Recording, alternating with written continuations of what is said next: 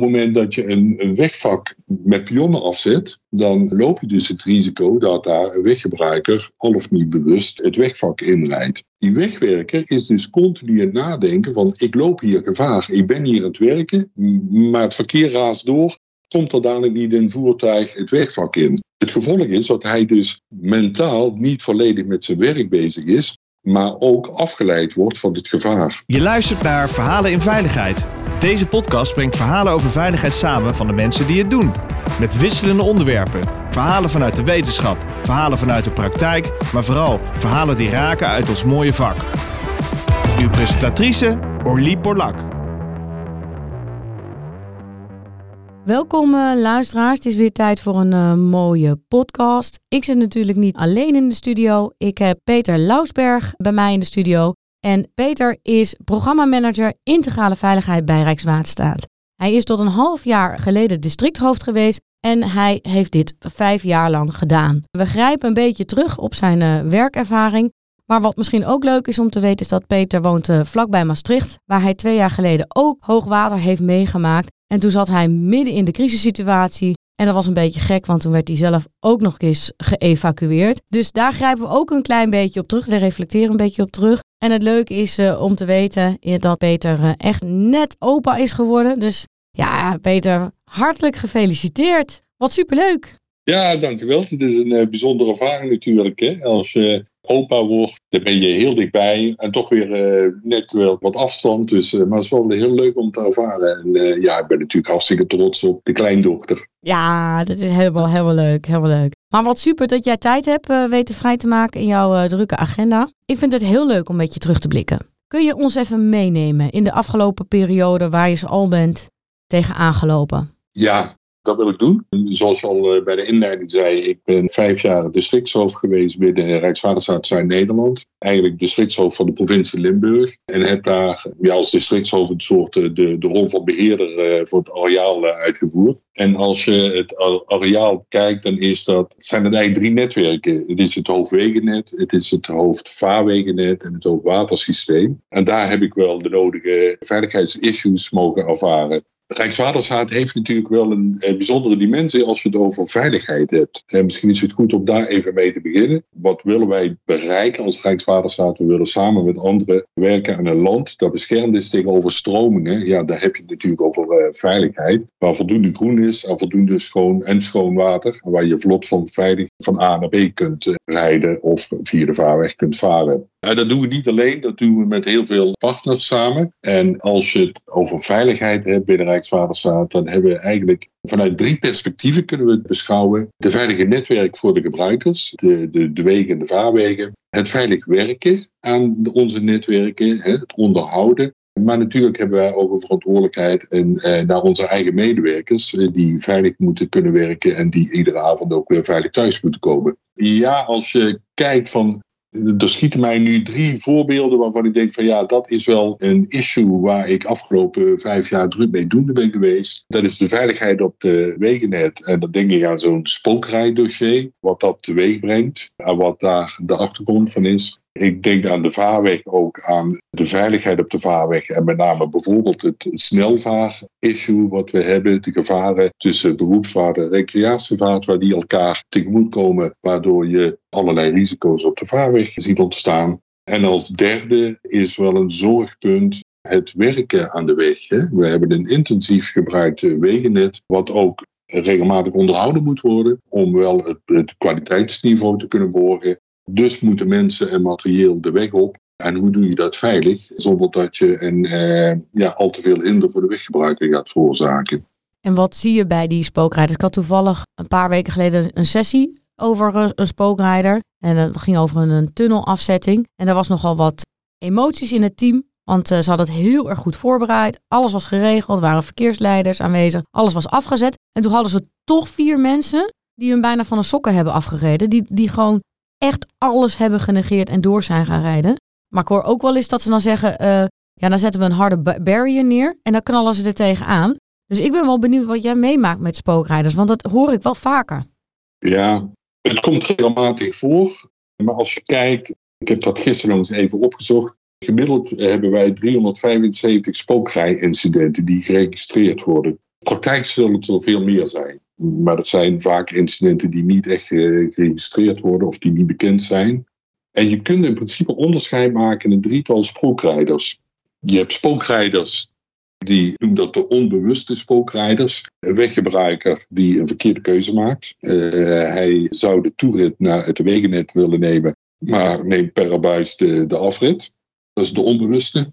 De tweede groep die ik wil uh, benoemen hier is de halfbewuste spookrijder. En dat is een groep die misschien onder invloed van alcohol, medicijnen of drugs de verkeerde keuze maakt. En we hebben helaas ook de bewuste spookrijders. En dat zijn dan de mensen, misschien doel jij daar ook al op, die een wegversperring willen eh, ontwijken omdat ze eh, snel ergens willen zijn. Maar we hebben ook mensen spookrijden eh, als een zelfmoordpoging of spookrijden die het als een kick doen. Eh, daar maken we ook mee hè? om een stukje eh, verkeerde weghelft te nemen eh, als kick. Om te kijken van ja, wat doet dat met? En blijkbaar is dat ook wel een, een, een situatie waar wij ons best wel zorgen over maken. Lijkt me ook heel moeilijk, want elk van die profielen vraagt eigenlijk een andere aanpak. Ja. En even heel plat gezegd, je weet begot niet wat je in de nacht of in de dag tegenkomt.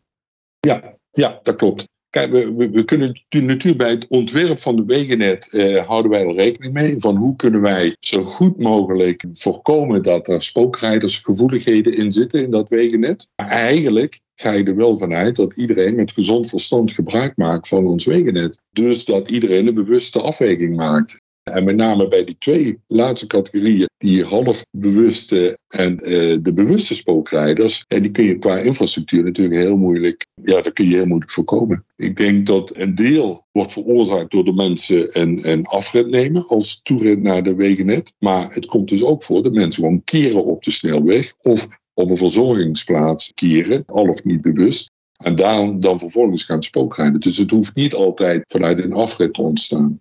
Dus we hebben een onzekere factor, dat zijn eigenlijk wij. Zeg maar gewoon de burger, om even de, de, de, mens, de weggebruiker. ja. ja. de weggebruiker. Is dat ook een link die je hebt met het vaarverkeer? Want je zei, daar hebben we zakelijk vaarverkeer en we hebben nu uh, veel plezierbootjes. Als ik even kijk naar de plassen om Amsterdam heen. Dat is, lijkt wel of iedereen een boot tegenwoordig heeft. zie je daar ook gewoon die, die, eigenlijk die botsing tussen ja, zakelijk vaarverkeer en, en privaat vaarverkeer? Um, ik denk dat je op de vaarweg is het de vraag: zijn mensen zich bewust van de risico's? Ik noem altijd het voorbeeld van de dode hoek. De dode hoek van de beroepsvaart. Als je op een uh, groot schip zit, uh, al of niet ook nog geladen met containers, dan kan die dode hoek wel eens 300, 400 meter zijn. Dat zijn dus drie voetbalvelden voor de boeg van het schip. En als je als recreant daarin zit, dan ziet de beroepsvader jou niet. De vraag is, is die recreant zich daarvan bewust? Dat is met name het risico in mijn ogen op de vaarweg, dat mensen, zeker bij mooi weer, hè, wat we nu toch uh, afgelopen periode zien, en dan is het heerlijk toeven op het water, uh, dagje varen, maar gaan ze voorbereid op een bootje zitten, uh, weten ze wat de risico's zijn. In Nederland is het niet noodzakelijk dat iedereen een vaarbewijs heeft, maar kennen ze de beboording, weten ze waar eh, misschien wel gevaarlijke stromingen zijn op het water, waar ze met een bootje terecht kunnen komen. Hoe zit het met weersomslag? We hebben vorige week hebben we hier in, de, deze regio, eh, ja, toch voor week een, een, dag gehad met een enorme depressie. Eh, dat er heel veel water valt, waardoor je ook ziet dat er zo'n rivier als de Maas de, de afvoer enorm toeneemt. Ja, als je dan als bootje daar als recreant op zit te recreëren, moet je wel bewust zijn dat er bepaalde risico's ontstaan. Ja, en je begon je verhaal eigenlijk ook een beetje privé, hè? Dat je ja, het hoogwater hebt meegemaakt in uh, Maastricht, dat je zelf geëvacueerd moet worden. Tegen de achtergrond van stijgend water. Is dat zo? Je hoort het wel veel, dat we, het water komt in Nederland en we de rivieren onze eigen grootste uitdaging gaan worden. Hoe kijk jij daar tegenaan? Ik denk als gevolg van klimaatverandering dat we steeds meer met eh, extreme te maken krijgen. En hoogwater, eh, hoge afvoeren is natuurlijk een heel sprekend voorbeeld waar we ook helaas af en toe de, de gevolgen zien eh, wat dat teweeg kan brengen. Daarnaast heb je een heel ander probleem, dat is de lage afvoeren, de droogtes die ontstaan, waar we misschien in de dagelijkse praktijk wat minder mee bezig zijn en wat minder sprekend is, maar wat naar de toekomst toe best wel een, een groot probleem oplevert. Als je denkt aan grondwaterstanden, drinkwatervoorzieningen, waar toch eh, over nagedacht zal moeten worden naar de toekomst. Hoe kunnen we dat ook naar de toekomst toe uh, borgen? Want je legt een beetje de link tussen eigenlijk die omstandigheden, die klimaatomstandigheden, het, het drukker worden op het water. Kan ik het als een stapeleffect gaan zien? Weet je, dat die, dat die risico's op het water, gebrek aan kennis, het wordt drukker op het water, we hebben extreme weersomstandigheden. Zorgt dat ervoor dat ook gewoon die vaarwegen steeds uitdagender worden om de risico's daar te beheersen? Ik denk niet dat het direct een relatie is. We hebben wel gezien in de tijd van corona dat we een toename zagen van de, van de recreatievaarders. Hè? Dat mensen sneller een bootje kochten om dan toch te recreëren. Omdat andere mogelijkheden wat minder eh, konden in die tijd ik weet niet of er een relatie zit tussen de intensiteit en de, de extreme weersomstandigheden. Maar je zult wel je bewust moeten zijn dat al die extreme situaties eh, met eh, hoger afvoer en zeker wisselende afvoeren, tot daar bepaalde risico's ontstaan op de vaarweg. En dat is er even los van het samenvaren op een vaarweg, beroepsvaart, recreatievaart. Ja, ik, ik denk ook niet dat er een relatie is tussen het kopen van een bootje en klimaat. Maar ik denk wel dat dit niet helpt is dat je, je krijgt het drukker. De mensen die op de vaarverkeer komen hebben geen kennis eigenlijk. Je, je hoeft ook geen papiertje te hebben om een plezierbootje te hebben. Je omschrijft net de situatie van Dode Hoek. En tegelijkertijd gaan mensen toch nog varen op het moment dat het eigenlijk niet veilig is, omdat de weersomstandigheden heel uitdagend zijn. Ik vermoed dat daar een stapeleffect in komt. Is dat als dat blijft toenemen, stroming blijft toenemen, klimaatomstandigheden blijven toenemen, maar we gaan wel door met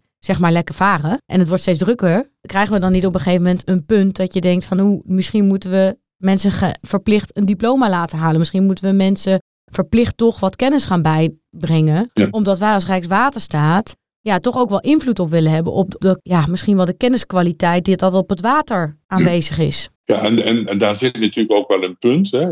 Wij proberen ook zo goed mogelijk eh, mensen te informeren. Communicatie is natuurlijk ontzettend belangrijk. Mensen bewust maken van de risico's die ze kunnen lopen op het moment dat ze gaan varen. En natuurlijk moeten we wel ook blijven benadrukken van het is gewoon leuk op het water. Het is gewoon fijn om te recreëren op het water. We, zullen zeker niet uitstralen van uh, let op, uh, niet op het water komen. Nee, het is leuk. Maar wees je wel bewust op het moment dat je op het water gaat, dat daar bepaalde risico's in zitten. En we zijn ons vaak daar niet van bewust. Als ik hè, vanochtend naar kantoor gereden, dan rijd ik een stukje snelweg. Ik ben me eh, op dit moment denk ik niet na van, eh, oh nou dan ga ik risico's lopen. Dat zit op de, vaar, op de snelweg. Maar in principe loop ik die risico's natuurlijk wel.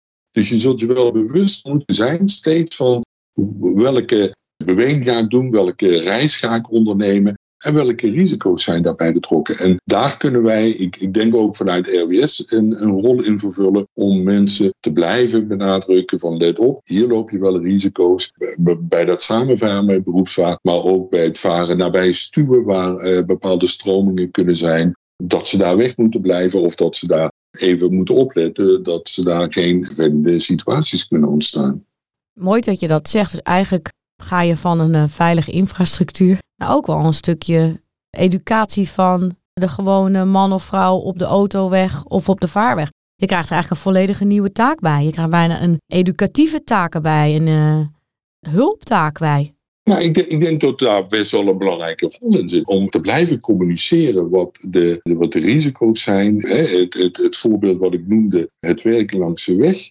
Zijn mensen zich bewust dat als je als wegwerker op de weg werkt en het verkeer raast met 70 eh, km per uur daarlangs, wat dat doet met die wegwerkers en welke risico's daar kunnen ontstaan. En dan heb ik het nog niet over mensen die rode kruisen negeren of stukken snelweg die afgezet zijn gebruiken om toch snel even een file te ontwijken. Dat levert gevaren op, maar dat doet ook iets met onze mensen eh, en met de mensen die aan de weg werken. En daar willen wij, ja, daar blijven wij natuurlijk wel over communiceren. En sterker nog, daar blijven wij ook op handhaven. Uh, want dat is natuurlijk het, tweede stukje, dat je ook op een gegeven moment moet zeggen van ja, dit is de wet, dit is de regelgeving en daar moet je gewoon aan voldoen in Nederland. Ik vind dat wel bijzonder. Ik had toevallig uh, een omgevingsmanager een mailtje gestuurd. Dat was dan niet een, eh, een klus van jullie, maar van, van de gemeente Amstelveen. Die gaan hier alle stoplichten weghalen en er worden allemaal rotondes. En nou is er nog wel een dingetje in Amstelveen met rotondes en uh, tieners op uh, elektrische fietsen. Die uh, helaas worden aangereden. Dus ik had een bezorgd mailtje gestuurd. En ik kreeg een ongelooflijk lange e-mail terug van, van de omgevingsmanager. Helemaal uitgelegd welke mensen bij betrokken waren. Dat ze gedragsspecialisten hadden ingehuurd. Dat ze verkeersspecialisten hadden ingehuurd. En hij legde helemaal uit aan cijfers en overwegingen hoe ze de rotonde gingen bouwen, hoe ze rekening hadden gehouden met, met de tieners En hoe ze hadden gezorgd dat er toch uh, relatief gezien minder ongevallen waren. Eentje is natuurlijk altijd te veel. Maar ik weet dat jullie dat dus ook doen. Maar ik had nu zelf een keer zo'n e-mail gehad. Denk ik, wat een tijd en moeite neem je om mij, gewoon, ik ben een, gewoon een burger. Je zal wel honderden e-mails krijgen. Om mij te beantwoorden over hoe je te werk gaat. Ik vond dat wel echt bijzonder. En ik weet toevallig dat jullie dat uh, ook doen. Maar wat een energie daarin gaat zitten. Terwijl het eigenlijk niet een van je kerntaken is. Maar kennelijk is geworden uit nu misschien wel ja, noodzaak. Ja, kerntaak. Ik denk dat dat wel heel dicht tegen de kerntaak van ons aan zit. Om het veilig gebruik van onze netwerken is het gewoon noodzakelijk dat je ook kunt uitleggen waarom je bepaalde keuzes maakt. En ons netwerk is zodanig uitgebreid en, en zo, wordt zo intensief gebruikt dat wij ook keuzes moeten maken in hoeverre wij alles eh, tip-top onderhouden kunnen worden. Soms eh, zullen we dingen moeten uitstellen. Ook dat moeten we kunnen uitleggen aan eh, de burger waarom misschien een sluis minder goed functioneert. Of misschien wel een sluis een tijdje uit de running is, omdat wij bepaalde keuzes moeten maken.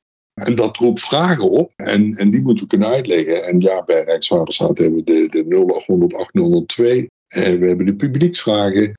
Uh, en daar zijn we uh, best wel intensief mee bezig om vragen vanuit de omgeving, om die op een goede manier te beantwoorden. En, en ja, we kunnen daarmee ook uitleggen waarom we bepaalde keuzes maken. Dat vinden we belangrijk. En denk je dat als jullie blijven communiceren met de burger op al die vlakken. We hebben het over, uh, nou ja, eigenlijk respecteren van wegafzetting. En we hebben het over tunnels gehad. We hebben het over vaarwegen gehad. We hebben het over uh, wegwerkzaamheden gehad. En eigenlijk hoor ik jou ook zeggen, joh, wij kunnen niet veilig werken zonder hulp van die burger. Die uh, moet rekening met ons houden, daar verwachten we ook wat van. Denk je dat als je doorgaat met, of het misschien zelfs wel intensiveert, die, die, die communicatie en die educatie, dat je het dan ook beter beheersbaar krijgt? Je daar de, een van de, de gouden gralen, zeg maar?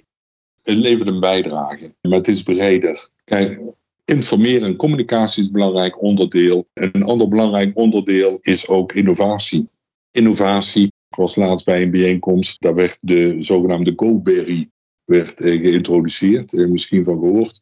En dat is een barrier die gebruikt wordt bij wegwerkzaamheden en die als het ware op wieltjes staat en die op afstand bediend kan worden. En daarmee kun je een afzetting eigenlijk binnen twee minuten op locatie krijgen. Daarmee is het ook mogelijk dat je bijvoorbeeld een afzetting in de spits even weghaalt, verkeer uh, er doorheen laat en op het moment dat de spits voorbij is om half tien, tien uur, zet je, schuif je de barrier weer op en dan kunnen de wegwerkers weer aan de slag. Ik denk niet dat de oplossing direct aanwijsbaar is bij communicatie of informeren, maar het is een, een palet aan eh, mogelijkheden waar we continu mee aan de slag moeten gaan.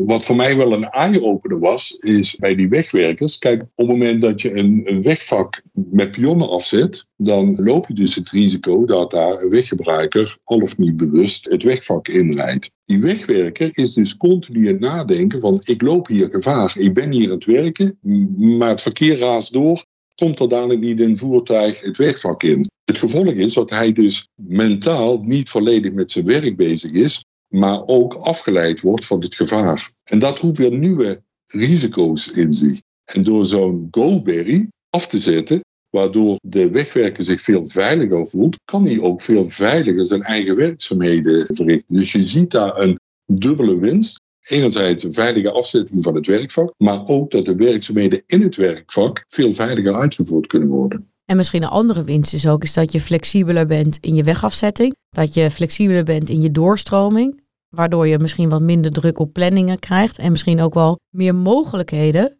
voor juist afzetten. Ja, en, en, en daar zit natuurlijk wel een, een dilemma wat je noemt. Je zag in het verleden dat er heel veel nadruk lag op doorstroming. Contracten werden op de markt gezet waarbij ook tijdslots werden afgesproken van je mag in de nachtelijke uren werken, maar om zes uur als de spits begint, dan moet je klaar zijn.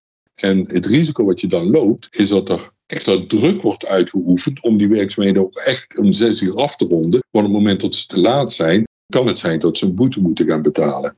En dat wil je ook weer voorkomen, want je wilt wel dat ook die, die, die werkzaamheden om zes uur veilig afgerond worden. Eh, dus daar, zit wel een dilemma, waardoor je soms misschien wel tot de keuze komt van eh, misschien moet ik een weg wel volledig afsluiten en de werkzaamheden veilig uitvoeren. Op het moment dat het klaar is weer openstellen. En gaan nadenken van wat betekent dat als ik deze weg volledig afsluit En zijn er alternatieven? Hoe kunnen we daar zo goed mogelijk de weggebruiker en faciliteren, helpen om alternatieven te zoeken? Zijn er alternatieven?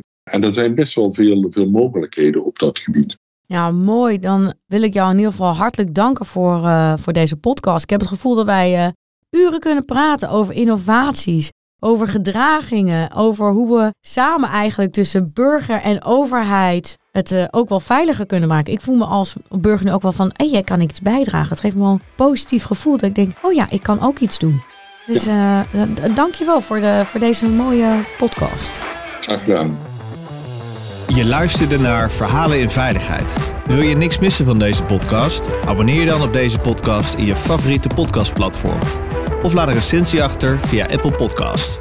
Dank voor het luisteren. Graag tot de volgende.